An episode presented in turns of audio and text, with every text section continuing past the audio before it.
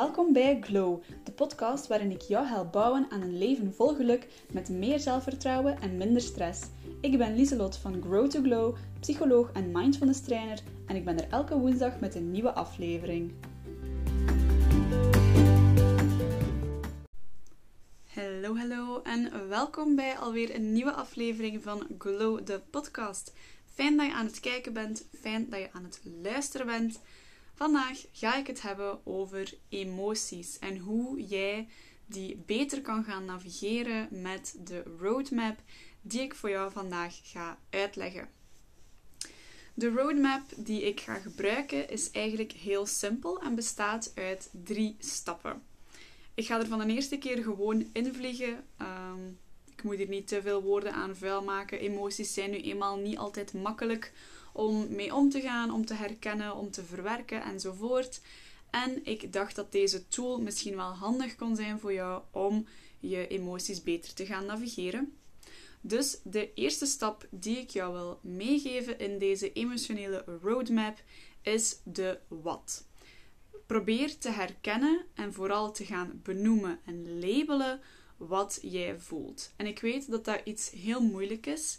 Maar dat is ook een stap dat heel veel mensen vaak gaan overslaan. Hè. Veel, uh, vaak wordt er gezegd van ja, hè, uh, je moet het uit je systeem krijgen, hè, of je moet erover praten, of je moet weet ik veel wat doen. Maar als je niet de taal hebt of niet goed uh, heel veel beschrijvende woorden hebt voor emoties, dan is het heel erg moeilijk om te gaan praten over emoties. Meestal geraken we niet verder dan ik voel mij slecht. Maar slecht kan heel veel verschillende dingen zijn. Dus daarom heb ik voor jou een soort moodmeter gemaakt. En die gaat deze week ook op mijn Instagram online komen. Dus dan kan je die daar ook zeker gaan uh, bekijken.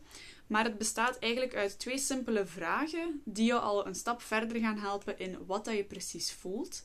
En de eerste is: voel je je negatief of positief? Dat is hetgeen dat de meeste mensen vrij snel voelen. Ik voel mij goed of ik voel mij slecht. Maar het volgende onderscheid dat je dan kan gaan maken is: voel ik in deze emotie een hoog niveau van energie of eerder een laag niveau van energie? En dan ga je zo een soort kwadrant krijgen waarbij dat je zowel positieve gevoelens hebt met een hoge energie of een lage energie en negatieve gevoelens hebt met een hoge en een lage energie. En ik heb de post die ik deze week voor jullie ga posten uh, hier openstaan bij mij om een paar voorbeeldjes te kunnen geven. Zo kan een positief gevoel met hoge energie bijvoorbeeld iets zijn zoals blij, vreugdig, levendig, maar ook opgewonden, verrast hè, enzovoort. Waar dat bijvoorbeeld een negatieve emotie met lage energie eerder verveeld kan zijn, maar ook wanhopig of opgebrand. En zo ga je door heel veel taal te gaan gebruiken, um, je emotie vatbaar gaan maken. Hè? En vaak weten we een beetje wat dat die woorden inhouden. Elke emotie is voor iedereen natuurlijk verschillend. Maar zo ga je ook beter gaan kunnen communiceren over je emoties met je partner, je ouder, een vriend of een vriendin. Maakt niet uit met wie. Maar op die manier gaan er minder misverstanden zijn en kan er meer begrip ontstaan, omdat je een beetje over dezelfde termen gaat gaan spreken. Nu, soms kan het ook zijn dat je iets voelt waarbij dat je denkt van nee, geen een van die woorden dekt eigenlijk de lading of dekt exact wat dat ik bedoel. En dan kun je ook gewoon zelf een woord gaan uitvinden. Hè. Ehm, je kunt bijvoorbeeld zeggen van ik voel me eigenlijk helemaal floepy. En dat kan slecht zijn, dat kan goed zijn, dat kan gewoon eender was zijn, zolang het maar voor u past bij wat dat je voelt. En dat gaat het inderdaad niet per se makkelijker maken om te communiceren met iemand anders. Maar dat gaat voor uzelf de lading wel verminderen. Want het is nu eenmaal zo dat wij mensen graag taal creëren voor dingen die we niet goed snappen, dingen die we niet zo goed kennen, omdat taal voor ons de, de emotionele lading gaat gaan verminderen. Dus daarvoor, voor zelf minder emotionele lading te hebben, is het heel goed om heel veel taal te hebben en om dingen te gaan benoemen en te labelen. Maar in de meeste gevallen kan het je ook helpen om dan beter te gaan communiceren over je gevoelens, um, zodat er ook meer begrip van je omgeving kan komen. En hoe meer woorden dat je ook hebt, ook voor bijvoorbeeld lichtere varianten van jouw emotie, hoe vroeger je ook kan gaan communiceren en hoe vroeger je ook kan gaan ingrijpen. Zo hadden ze op een bepaalde school met jonge kindjes ehm, het gevoel van ja, die kinderen kennen precies weinig emoties, of toch weinig termen voor emoties. En er waren daar heel vaak woede-uitbarstingen bij die kindjes. En ehm, zo hebben ze die eigenlijk aan de hand van uh, thermometertjes, dus blaadjes met thermometers, geleerd wat dat bepaalde woorden zijn voor gevoelens die zij kunnen hebben, zoals bijvoorbeeld geïrriteerd, gefrustreerd, boos, woedend, geschokt, al dat soort woorden. En door die kindjes die woorden aan te gaan leren, konden zij ook veel sneller gaan communiceren wat dat ze voelden. En konden ze dat ook gaan linken aan dingen, hè, herkenden ze bepaalde triggers. En is het aantal woede-uitbarstingen in die klas, in die school, enorm, enorm gezakt. Puur omdat die kindjes vroeger konden gaan aangeven dat ze zich niet goed voelden en wat dat ze dan precies uh, ervaarden. Dus dat is eigenlijk de eerste stap in de emotionele roadmap. Hè. Wat voel je? Herken je eigen gevoel en geef daar een label aan. De tweede stap is misschien een beetje moeilijker, misschien een beetje makkelijker. En dat is de waarom. Ehm, waarom voelt je u hoe dat je voelt? En soms is dat heel duidelijk, soms was er een bepaald. Is er iets gebeurd en is dat de aanleiding geweest of is dat soort van de trigger geweest van jouw gevoel? En dan gaat het heel duidelijk zijn en gaat je ook snel die trigger ook gaan herkennen voor de toekomst. Soms is het minder duidelijk en moet je wat meer gaan graven naar dingen die doorheen de week gebeurd zijn of die doorheen de dag gebeurd zijn. Ehm, of misschien ligt het ook binnen jezelf en merkt je van ik ben heel vermoeid, dus ik ben heel prikkelbaar en dan heeft één iets kleins jou misschien getriggerd. Maar op zoek gaan naar wat dat er u triggert, wat dat er u boos, verdrietig, angstig maakt of whatever, is heel nuttig omdat je dan triggers gaat gaan herkennen in de toekomst. En bepaalde dingen kan gaan elimineren of gaan vermijden of kan gaan communiceren met anderen indien anderen betrokken zijn. Uh, stel dat iets dat je partner doet u altijd heel angstig maakt of heel verdrietig maakt en je kunt dat gaan communiceren met je partner, dan kun je daar duidelijker grenzen en likes en dislikes gaan aangeven, waardoor dat je minder ruzie gaat hebben, dat jij ook minder getriggerd gaat worden, enzovoort en zo verder. Dus dat gaat leiden tot beter begrip, ook voor de ander, want de ander weet niet wat jij denkt, de ander weet niet hoe dat jij je voelt en waarom dat, dat zo is. Dus tenzij dat jij het vertelt aan die persoon, kan die het nooit weten. We veronderstellen soms gewoon dat de ander maar moet begrijpen waarom dat wij ons voelen, hoe dat wij ons voelen, maar dat is eigenlijk nooit zo.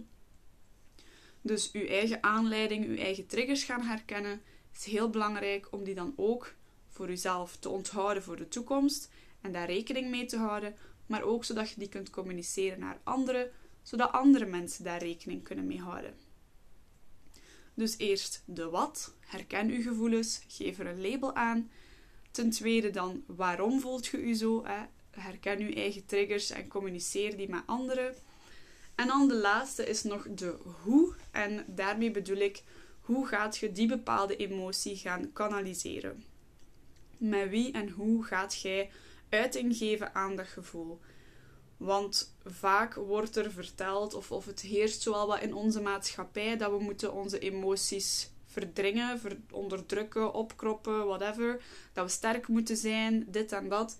Maar uw emoties opkroppen is helemaal niet sterk. Dat is gewoon onnatuurlijk, om het zo te zeggen. Uh, en uiteraard kun je niet altijd handelen naar je emoties. Hè. Op het werk moet je bepaalde regels volgen of whatever. Maar je kunt het ook niet eeuwig opkroppen en laten opstapelen, want ooit gaat het er toch uitkomen.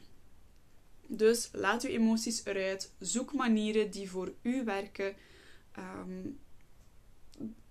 voor iedereen werkt iets anders. Hè. Ehm, voor bepaalde emoties gaan ook andere dingen werken. Voor verdriet gaat heel vaak gewoon eens huilen helpen. En ik weet dat heel veel mensen zo denken dat huilen zwak is, maar huilen is heel natuurlijk voor de mens.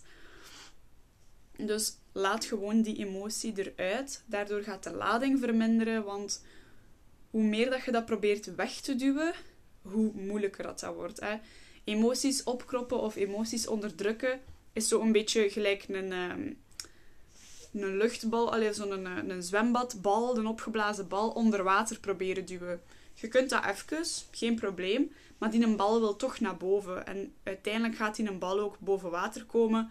En hoe langer dat je die onderduwt of hoe dieper je die probeert weg te duwen, hoe harder die weer naar boven gaat springen.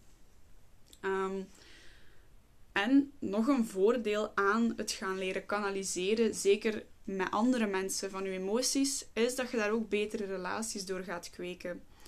Want verdriet is eigenlijk de motor van compassie. Hè. Compassie ontstaat waar dat liefde pijn ontmoet. En ik vind dat heel mooi gezegd.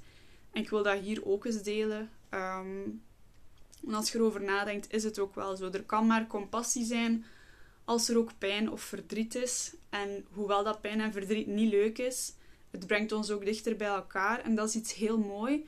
Maar als we ons emoties opkroppen, dan, is die, dan ontnemen we die kans voor onszelf, voor anderen, voor al onze relaties.